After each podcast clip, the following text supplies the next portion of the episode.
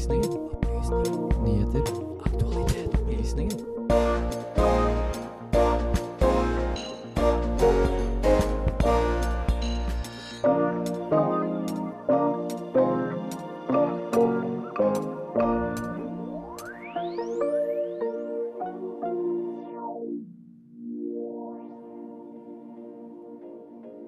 Israel blir omtalt som Midtøstens mest demokratiske land, men nå er mange bekymra for fremtiden.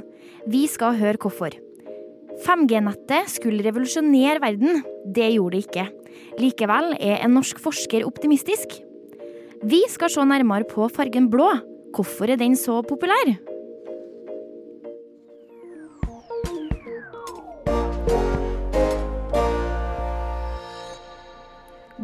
Fredag morgen og hjertelig velkommen til Opplysningen 99,3 her på Radio Nova. Den nydelige, men litt grå fredagsmorgenen her. Jeg heter Emma Nordsteen og skal være med deg her den neste timen. Og jeg har så mye god snacks til deg, men det skal jeg heldigvis ikke servere alene. For med meg i studio i dag så har jeg Amalie Sundby. God morgen. God morgen. Og Frida Kristine Mogård, du er her òg. God morgen. Ja, det er jeg. God morgen. Har du hatt en litt tøff eh, morgen, eller? Ja, jeg er litt sliten. Litt, var litt trøtt og grått å våkne etter mange dager med grått og, og slit. Så Ja. håper på hvert fall litt solgløtt i helga, eller noe om det er mulig å få. Helt enig. Enn du, Amalie? Har du hatt en fin morgen? Eh, ja, helt OK. Jeg trodde liksom at jeg skulle stå opp litt eh, tidligere enn jeg gjorde. Men eh, jeg har fått sovet godt, da. Ja, det er bra. Det er litt grått. Jeg savner vår, jeg nå. Jeg er så lei av grå himmel og regn. Så nei, nå håper jeg våren kommer og tar oss snart. Men eh, vi har jo en fullspekka time, så vi kan jo bare ta det videre. Vi kan starte på litt musikk. Her får du Veps med nummer to. God dag og god fredag. Hjertelig god fredag morgen. God morgen, god morgen, god morgen og god morgen. God morgen og velkommen til Opplysningen, Radio Nova sitt samfunns- og aktualitetsmagasin. Med opplysningen 99,3 på øret, ja, da blir det en god fredagsmorgen. Opplysningen 99,3. Hver fredag fra 10 til 11 på Radio Nova. Da, Amalie og Frida, lurer jeg på hva dere tenker når jeg sier ordet Israel. Hmm. Jeg vil for det første kanskje konflikten Israel-Palestina. Gaza-stripa. Det er blant en ordassosiasjon som gjøres her. Men det er nok de tingene når liksom Israel er liksom stempla som nå, for meg i hvert fall. Ja, det er jo krig og konflikt og vanskeligheter, på en måte, som man tenker på først. Ja, og det er jo eh, den mest fremtredende uroen i landet. Eh, men israelsk politikk det er ganske ukjent eh, for mange. Og, for, og mange er faktisk veldig bekymra for framtiden med tanke på det her. Eh, og vår reporter Benjamin har brukt uka på å se nærmere nettopp på det her temaet, for å gjøre oss mer opplyst om den politiske uroen i landet. Det er noe usedvanlig merkelig på gang i Israel. Landet er for tiden preget av den største polariseringen man har sett i deres moderne historie. Det er bitter, dyp uenighet om selve grunnmuren i Israels politiske system. En regjeringskoalisjon på ytre høyre fløy, ledet av tungvekteren Benjamin Netanyahu, ønsker å gjøre om på hele det israelske systemet. De planlegger å tvinge gjennom en kontroversiell, kneblende reform som fjerner makt fra Israels høyesterett og etterlater et vakuum, et tomrom som regjeringen ønsker å fylle selv. Ute i gatene demonstrerer israelere nå på ellevte uke. Mange er urbane, relativt unge mennesker med tilknytning til IT-sektoren. Men alle samfunnslag er representert. Særlig landets arabiske minoritet er bekymret. I opposisjon til myndighetene tyr de til protest og til og med blokade. Aktive unge stemmer finner sine likesinnede og svøpes i store folkehav der det vaies davidsstjerner og regnbueflagg. Bring fascism to our country. We will never give up. We will fight to our last drop of blood. De sier så, men Er det mulig for oss utenfra å avgjøre om trusselen er reell? Står israeleres borgerrettigheter i alvorlig fare for å forsvinne? Israelis are stepping up protests today after the country's far right government rejected a compromise proposal to ease the crisis sparked by controversial judiciary reform.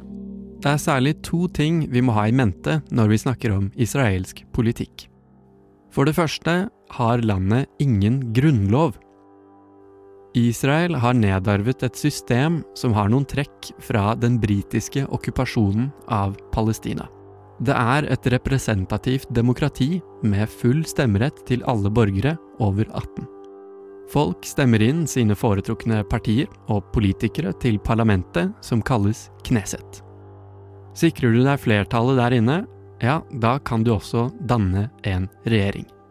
So far, so good. Men uten en grunnlov som skiller regjeringens ansvar fra parlamentets ansvar, hvem er det som egentlig passer på at det politikerne gjør der inne, er lovlig? Vel, det er der Høyesterett kommer inn. Alle viktige spørsmål som omhandler borgernes rettigheter, det avgjøres i Høyesterett, en uavhengig domstol utenfor politikernes hender. Ville du så gått i demonstrasjonstog for Høyesterett?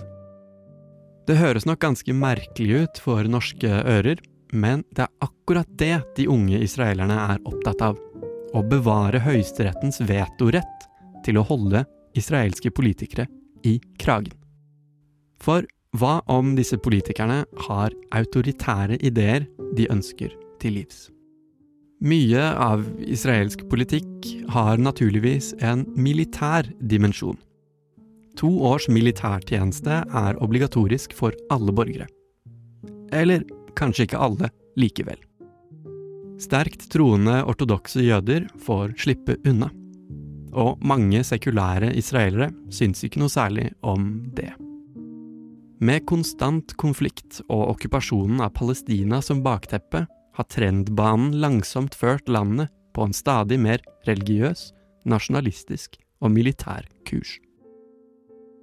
Vi skal faktisk helt tilbake til 1999 for å finne en folkevalgt statsminister fra venstresiden.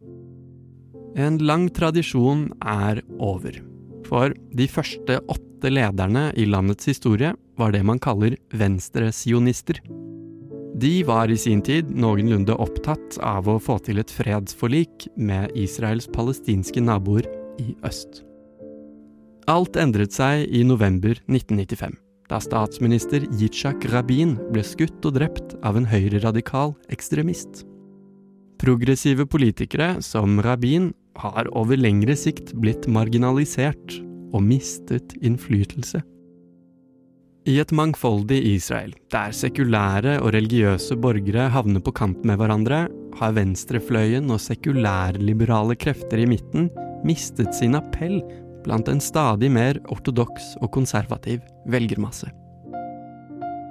Blant dem har ordet smål, altså venstre, blitt et slags hendig skjellsord man kan bruke for å avvæpne sine motstandere. Det er hos disse kreftene den konservative statsministeren Benjamin Netanyahu henter sin styrke.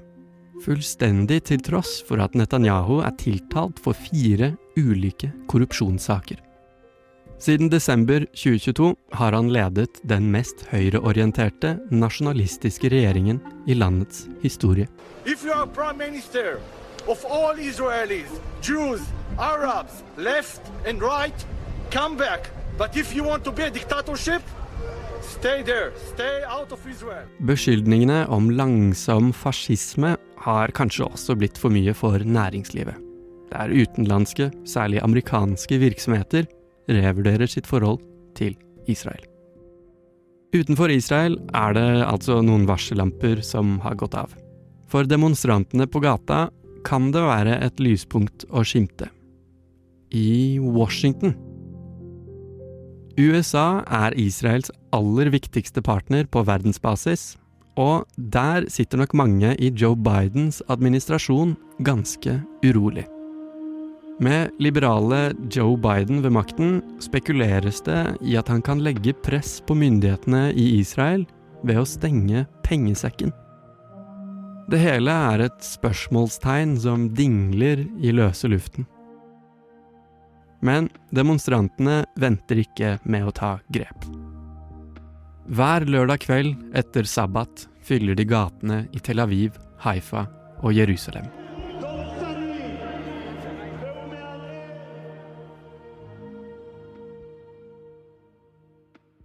Saken var Benjamin Nortumme, og lyd er henta fra NBC og Blue Dot Sessions.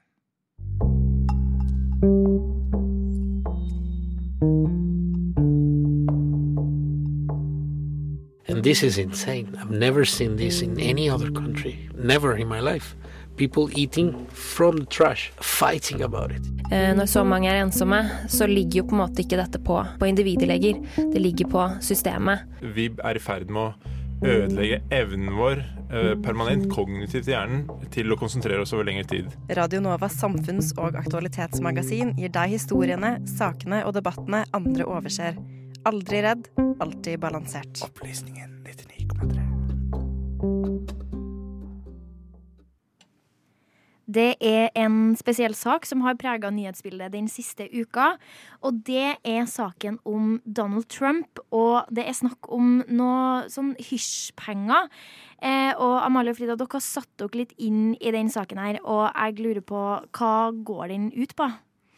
Eh, nei, altså eh, Jeg, jeg skulka hjemmeleksen litt grann i går, men eh, så vidt jeg har forstått, så handler det jo om at han eh, i 2016 eh, betalte da denne Stormy Daniels eh, for å holde tett eh, om at de skal ha hatt et forhold. Eh, og så lurte jeg jo på Ja ja, men det er jo hans penger, liksom. Han har jo ikke brukt presidentpengene på dette. Eh, så det er jo ikke det i seg selv som er ulovlig. Det er jo hvordan han regnskapsførte disse pengene, som jeg syns er litt komplisert. Ja, det er jo en veldig komplisert sak, men det kanskje flest lurer på, er jo hva kan konsekvensene bli for Trump hvis at han blir dømt eller tiltalt i den saken her, da? Eh, faktisk. Jeg fant ut i dag Jeg, gjorde, jeg, kanskje, jeg skulle kanskje også litt hjemmelekser inntil vi satt her litt tidligere i morges. Men eh, jeg leste på BBC at det er ingenting i amerikansk lov som sier at en presidentkandidat ikke kan stille eller ha en campaign eh, eller være president sjøl fra fengsel. Eller hvis de er dømt for noe kriminelt. Det lover jo godt for Trump, da, sånn sett. Men eh, man må jo også tenke at det her vil jo kanskje påvirke ryktet hans, troverdigheten hans. Litt sånne ting òg. For det er jo ikke Jeg kan sammenligne det litt med Bill Clinton og Monica Lewinsky. Sant? At det, påvirker jo ikke noe kanskje lovmessig, men det påvirker kanskje mer ryktet. Hva folk syns. Folk i hans eget parti støtter og sånne ting. Vil jeg tro. Jeg vet ikke, jeg syns jo det virker som at de som er Trump-tilhengere, de er det, liksom. Jeg tror ikke det, dette er en sånn type sak eh, som gjør at de slutter å heie på han. Fordi eh, han hadde jo tweeta eh, denne uka her eh, Nå husker jeg ikke ordrett hva han sa, men det var jo basically sånn eh, Redd nasjonen, eller et eller annet sånt noe. Eh, som eh, jeg tenker at hvis de er med på at det å hindre han fra å bli stilt for retten i seg selv er å redde nasjonen, så tenker jeg at de tenker jo litt annerledes enn oss. Altså, det er jo et godt poeng, det. Ja, absolutt. Man tenker jo kanskje sånn, Jeg tenker kanskje litt mer på det fra mitt synspunkt. Da. Sånn, ja, det er kanskje tidligere likt Trump, vet ikke jeg om meg, men dem som er liksom token Trump-supportere, er jo ek ganske ekstreme, mange av dem. Man så det jo i 2021-starten, 6. januar. Man har jo sett det i tidligere tilfeller. Og det, man kan jo være redd for at det her kan skape en lik type reaksjon. De går til alle lengder for å ivareta liksom sin kjære eh, Trumpemann og litt sånne ting. Så det er jo Ja, men jeg tenker i hvert fall at det her er jo ikke første gang at Trump oppfører seg eller gjør ting på en måte som ikke hadde vært akseptabelt for norske politikere. Eh, for eksempel så husker jeg at jeg reagerte veldig på under eh, presidentkampanjen mellom han og eh, Clinton, at han ville jo ikke offentliggjøre skattelisten sin eller noe sånt noe. Og da tenker man jo at det må jo være noe han vil skjule. Eh, Mm. Men det var jo ingen av hans velgere som brydde seg om det eller syntes det var noe i veien. Og det her er jo samme type sak, da, at det handler om skatteunndragelse, regner jeg med, siden altså at man bare skjuler i regnskapet hva penger har gått til, osv. Mm. Eh, så er det jo litt sånn samme type eh, lovbrudd, tenker jeg, da. Det er jo, altså det, det er jo ganske mye annet enn å ha gjort tidligere, og ikke bare liksom det, men det er jo ganske mange eksempel der de igjen og igjen og igjen eh, unnskylder ting fra Trumps side, men kan ta politikere på mye av det samme. Så jeg tror at de på en måte kan, eh, kan Eller de på en måte hardcore Trump-supporterne tror jeg kan se seg litt blind på Det er Trump, liksom. Uansett hva som skjer, så støtter jeg den mannen med mitt liv, på en måte. Mm. Ja, absolutt. Og det er jo Han er jo en litt slu mann, vil jeg si. Jeg vet ikke om det blir jeg skutt hvis jeg sier det, kanskje. Nei da. Han, eh, han har jo hatt sine knep og triks, eh, triks opp i ermet. Særlig under valgkampen i 2016 ble jo han eh, anklagd for seksuelt overgrep. Og det han gjorde for å svare på det, det var jo rett før en debatt med Hillary Clinton. Det han gjorde var at han tok hadde en pressekonferanse med dem som hadde anklagd han Bill Clinton for seksuelt overgrep i stedet. Som en sånn sånn Se her, jeg er ikke den eneste som er ille. Se, sånn der, på en måte. Det er ikke Man kan jo tenke sånn, Hadde det vært i Norge, hadde man kanskje ikke hatt uh, forguda mannen like mye, vil jeg tørre å påstå.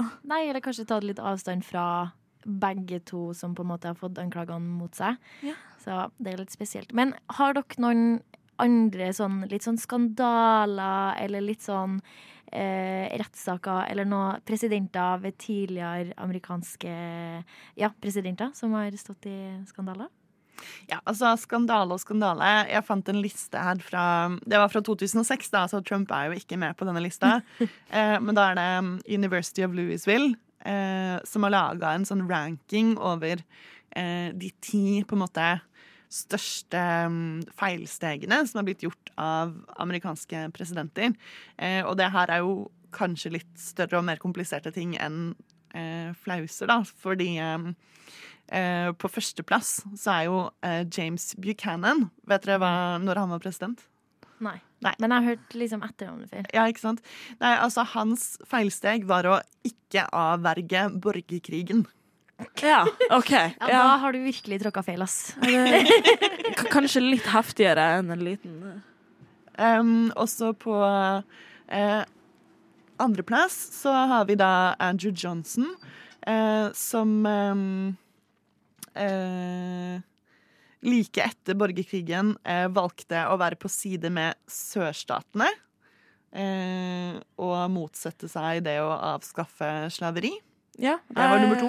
Jeg så den, eh, jeg også, og der uh, understrekte de jo at eh, hans rekonstruksjonspolitikk det føles jo i USA fortsatt. Sant? Og det tok lang, det satt dem tilbake flere tiår etter det at han så å si blånekta at det her skulle gå igjennom, på en måte.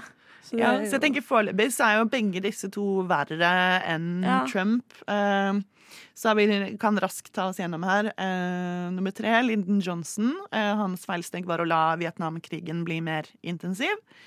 Eh, nummer fire, Ojo Wilson. Han ville ikke inngå kompromisser om Versailles-traktaten etter første verdenskrig. Nummer fem, Richard Nixon, pga. Watergate og det der. Eh, nummer seks Det her er en president jeg ikke har hørt om, faktisk. James Madison. Eh, han ville eh, ikke holde USA utenfor krigen i 1812, og det var en krig med Storbritannia. Det har gått meg litt forbi, hus forbi, for å være helt ærlig. Eh, skal vi se, så har vi Thomas Jefferson. Eh, det er det napoleonskriggreier. Eh, John F. Kennedy.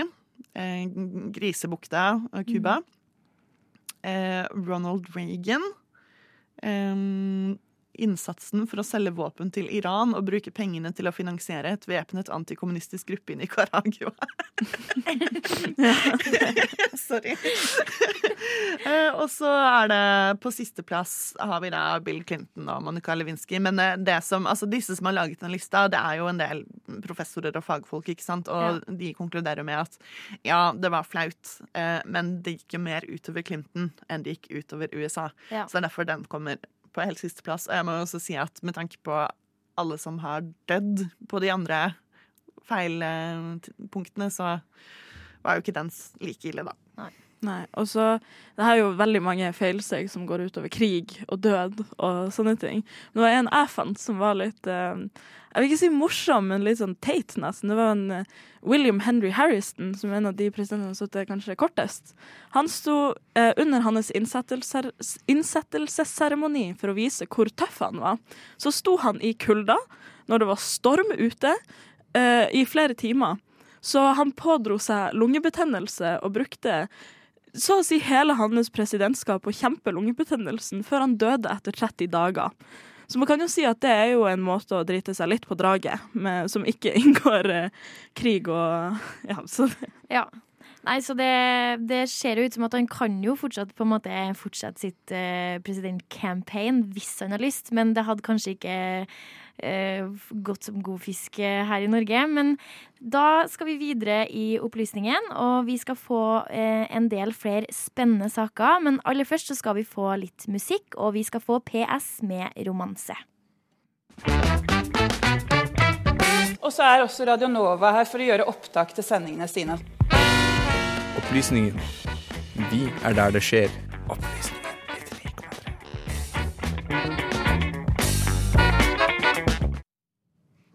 Og nå skal vi se litt nærmere på noe alle, i hvert fall i vår generasjon, har en viss greie på, og som vi kanskje ikke helt klarer oss uten. Det er nemlig mobilnett. Eh, og det jeg lurer på da, er om dere har merka det skiftet fra 4G til 5G? Faktisk så har jeg aldri hatt 5G. Eh, jeg kan si jeg er en liksom liten kontrollgruppe her. Nesten. Jeg har, eh, har en iPhone 8 og har fortsatt IOS 15 og noen saker. Så 5G nådde aldri opp til, eh, til meg og min telefon, da. Jeg har aldri sett at det står 5G oppi hjørnet. Det meste jeg har hatt er 4G, men det funker jo kjempefint. Jeg ser ikke behovet for noe mer enn som så, i hvert fall. Så du føler ikke at du mister noe liksom, ved å ikke ha 5G? Nei, jeg er ikke sjalu på folk som går rundt med 5G, akkurat. Jeg er ikke der, for å si det sånn. Men- du Amalie, har du full 5G på telefon? Ja, det pleier å stå det, i hvert fall. Eh, Jeg har heller ikke merka så mye forskjell. Jeg husker at jeg var fornøyd tilbake da det var 3G. Eh, Ja, det er jo Jeg ble helt satt ut når du sa 3G, for jeg husker nesten ikke at det var en greie engang. Jeg husker at 3G var da en sånn iPhone 4. Så står det der. Ja, men min forrige telefon var jo iPhone 5, så Ja, det er jo okay, ikke så rart. Ja, Ja, nei, det er sant. Eh, ja, for vår reporter Carl har nemlig sett nærmere på hva som egentlig er forskjellen mellom 4G og 5G. Og uten å si noe mer, så kan vi egentlig bare høre på hva Carl har funnet ut. Orker ikke det andre bidra. Det er nok tryggest at Krüger holder farten oppe på flatere terreng som det her. Vi skal tilbake til 2018. Det er fem år siden. Det er vinter-OL i Pyeongchang i Sør-Korea. Norge, som du hører, gjør reint bord i sporet, og de snødekte sørkoreanske fjellene får vist seg fra sin beste side for et internasjonalt publikum. Men det er noe annet som er helt spesielt med dette mesterskapet. For første gang er det 5G-nettet som står for kameraoverføringa av lekene. Det gjøres også forsøk med selvkjørende busser og biler. Fremtiden hadde meldt sin ankomst i skjønn harmoni med idretten. Men sånn ble det ikke. Drømmen om den nye 5G-verden ble solgt inn med frysere som snakka med brødristeren, grensesprengende spillopplevelser og andre eksempler på en helt ny virkelighet. Fem år senere er denne nye virkeligheten med 5G ikke så himmelstormende forskjellig fra den folk er vant med fra før. Det er ifølge forskerne få som opplever overgangen fra 4G som en revolusjon. Tech-forsker Dario Talessimo i forskningsstiftelsen Omdia sier til nyhetsbyrået AFP at 5G aldri riktig var laga for forbrukere. Det var tilpassa industri og tjenester, men de som tilbyr tjenester og industri, altså telebransjen, brukte heller 5G til å markedsføre små fremskritt som revolusjonerende. Professor i informatikk ved Oslo OsloMet, Olav Lysne, sier til NTB at innsalget av 5G som noe man skal merke voldsomt på telefonene våre, har hele tiden vært på siden av realitetene. Han sammenligner skuffelsen for forbrukerne med dette bildet. Dersom veiene opprustes til å tåle trailere på 500 tonn, vil dette være til stor nytte for de få som har så store biler. Men for oss vanlige som kjører biler på to tonn, er det jo ett fett. Professor Lysne sier at 5G inneholder en del teknologi som åpner bruksområder som ikke var mulig på 4G, men vanlige folk merker ikke noe til det. Utbygginga av 5G-nettet skal ha kosta nesten 7 milliarder kroner det siste tiåret. Det mente arrangørene av Mobile World Congress skapte en ubrukt merverdi for alle deltakerne i dette digitale økosystemet. Nylig møttes den globale mobilbransjen i Barcelona for å snakke om dette. Det er ikke bare nettverkene som kan ha gått på en blemme. Eriksson, som leverer utstyret for 5G-nettverket, sparka nylig 8500 ansatte etter at overskuddet ble redusert. Så fem år etter at innfasingen startet, er de store fordelene med 5G uklare for brukerne også. En ganske stor amerikansk spørreundersøkelse svarer 1000 av smarttelefonbrukere at de er begeistra for 5G. Men når de ble pressa til å svare på hvilke fordeler de satte pris på, klarte de ikke å identifisere dem. Ifølge en annen forsker avdekker denne undersøkelsen to av de største problemene 5G står overfor. En, at 4G er bra nok for de aller fleste, og at sjargongen rundt 5G er vanskelig og til tider helt ugjennomtrengelig. Uttrykk som lav latenstid, skivende nettverk eller nullvurdering betyr ikke så innmari mye for deg og meg. Men det er optimisme å spore også. Olav Lysne ved Oslo OsloMet sier den store skuffelsen ligger i at 5G-utviklingen tar lengre tid enn forventa. Han sier til NTB at anvendelsen har ikke kommet med den farten vi alle sammen trodde at den skulle. Han tror det vil se annerledes ut om 20 år. Reporter i saken var Carl Biel, og lyd er henta fra NRK og Blue Dot Sessions. Og det er altså så provoserende at folk tror at vi tuller, men vi gjør ikke det, altså. Dessverre. Opplysningen på Radio Nova. Aldri redd, alltid balansert. Og nå så skal dere få et ganske enkelt spørsmål fra meg. Og det jeg lurer på, er hva er favorittfargen deres? Grønn. Ah, jeg skulle også si grønn. ja, men det er jo fint, da. Noe til felles i gjengen. Eh, min er oransje. Men den fargen vi skal snakke om nå, det er blå.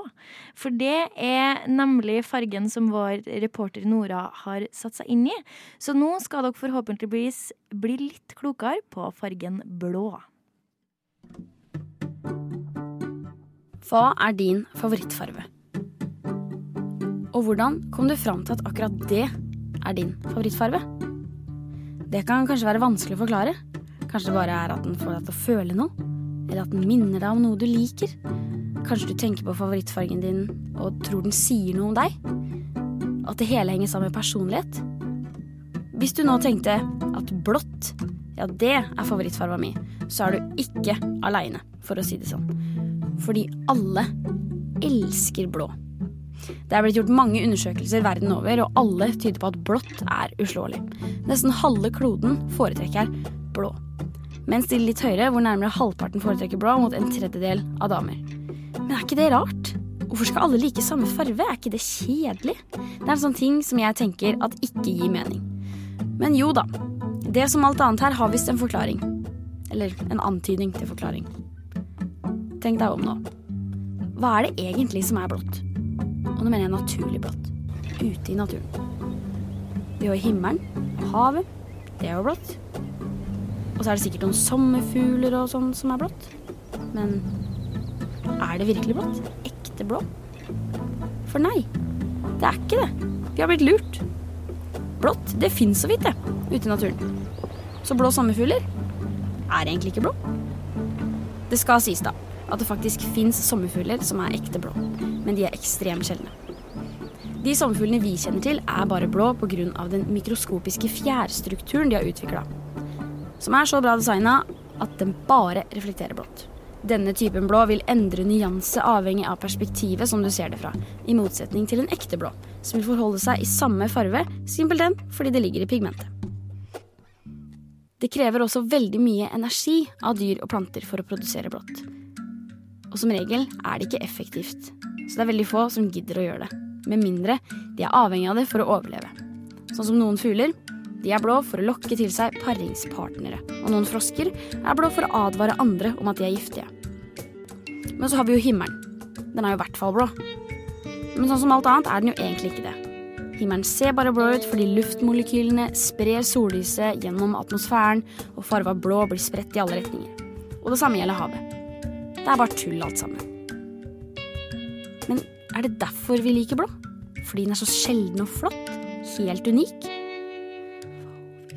Den franske fauvistiske maleren Raoul Dufy var veldig glad i blå. Han sa en gang noe veldig smart. Blått er den eneste farva som opprettholder sin egen karakter i alle toner. Den vil alltid forbli blå, mens gult svartner i skyggene og blekner i lyset. Rødt blir brunt når det mørkner, og fortynet med hvitt er det ikke lenger rødt, men en annen farve rosa. Dufy mente altså at blå hadde helt spesielle egenskaper som de andre farvene ikke hadde. Er det da kanskje derfor vi foretrekker den? Av den store skala? Alt fra lys himmelblå til mørk marineblå? Vi må nok tilkalle psykologene for svar. De sier nemlig at det hele handler om hvilke følelser vi forbinder med vår favorittfarve. Og den grunnleggende emosjonen knyttet til blått er ro og åpenhet. Den er ren og fri, minner oss om en skyfri blå himmel og det åpne hav. Vi får assosiasjoner som mulighet og trofasthet. Den gjør oss altså rolig, skaper ro i sjela. I motsetning til rød, som gir oss assosiasjoner som ild og fare. Mennesker har en slags knytning til blå, som om det er innebygd i oss å søke ro i stedet for fare. Men i bunn og grunn så er det ingen definisjon på hvorfor det er sånn. Dette er bare en haug av teorier. Kanskje vi liker blått fordi det er en mystikk i det vi ikke forstår, at det stimulerer oss med sin store sjeldenhet. Eller er det den brede skalaen den bærer med seg, en regnbue av blå nyanser som vi ikke får nok av? Eller den rolige følelsen den gir oss, tar oss imot med åpne armer og stoler på oss. En komfortabel venn. Uansett så er min favorittfarge grønn, og jeg klarer ikke å begripe hvorfor i alle dager jeg foretrekker grønn.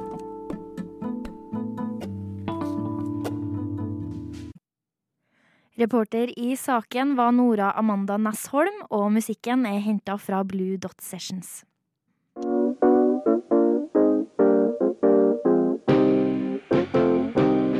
Du hører på Radio Novas samfunns- og aktualitetsmagasin Opplysningen. Hver fredag fra klokken 10 til 11 på Radio Nova. Opplysningen på Radio Nova.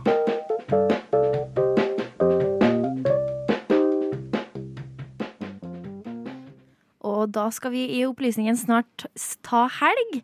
Og derfor så lurer jeg på hva skal dere i helga? Eh, jeg skal i bursdag på søndag.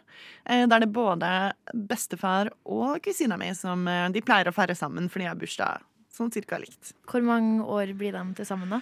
Man må jo slå Oh, sammen. Til sammen, skal vi se. Matte på sparket her. Ja, la oss si uh, 140. Såpass, ja. Ja, det var, det var noen år på, på dem, for å si det sånn. Til sammen. Ja, jeg tror bestefar blir 93. Ja.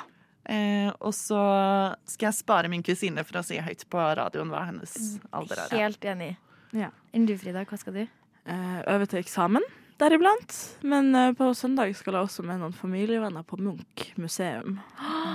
På en liten så sånn, sånn pause da, fra øvinga. For på mandag begynner jeg med en tredagers eksamen eh, før jeg skal hjem til Tromsø, da. Så det, men det blir, eh, det, blir, det blir ikke en gøy helg, bortsett fra litt på søndag, for å si det sånn. Jeg er 100 ærlig. Det er, når jeg drar herfra, så er det liksom rett til bøkene og rett til skrivinga og jobbinga og i, i en mørk hule, nesten, for meg sjøl. Ja, men du har ett høydepunkt, da. Munchmuseet er veldig fint. Har du vært der før, eller? Nei, faktisk ikke. Ikke det nye. Jeg har vært på det gamle. Ja. Men ikke, så det blir, jo, det blir jo noe med å, å se det også, da. Det er jo litt fint. Få en liten sånn pause fra mørk, kan man si. Så fæl som det høres ut. Enn du, da? Jeg har Å, herregud, jeg vet ikke helt hva jeg skal. Eh, jeg skal på Jeg og Mali vi skal jo på fest sammen. Vi skal på gangfest. eh, Slutt å flex. Jeg skal ikke lese et eneste ord eh, med skole i helga, for jeg leverte nylig bachelor. Jeg er så lei av skole, men det er litt til igjen før det er sommerferie. så Nei da. Det blir jo kose seg i helga, Amalie. Ja. Og så jeg er veldig stolt av deg, Emma, for at du leverte fordypningsoppgaven din. Tusen takk. Nei, men med det så tror jeg vi tar eh, helg. Og i studio med meg i dag så var Frida Kristine Mogård. God helg. Ja, god helg. Og på teknikk i dag så var Amalie Sundby. God helg. God helg. Og etter oss så kommer Studentnyhetene her på Radio Nova, så ikke skift kanal riktig ennå. Men aller først voksenfilm Fit Astma med Hæ?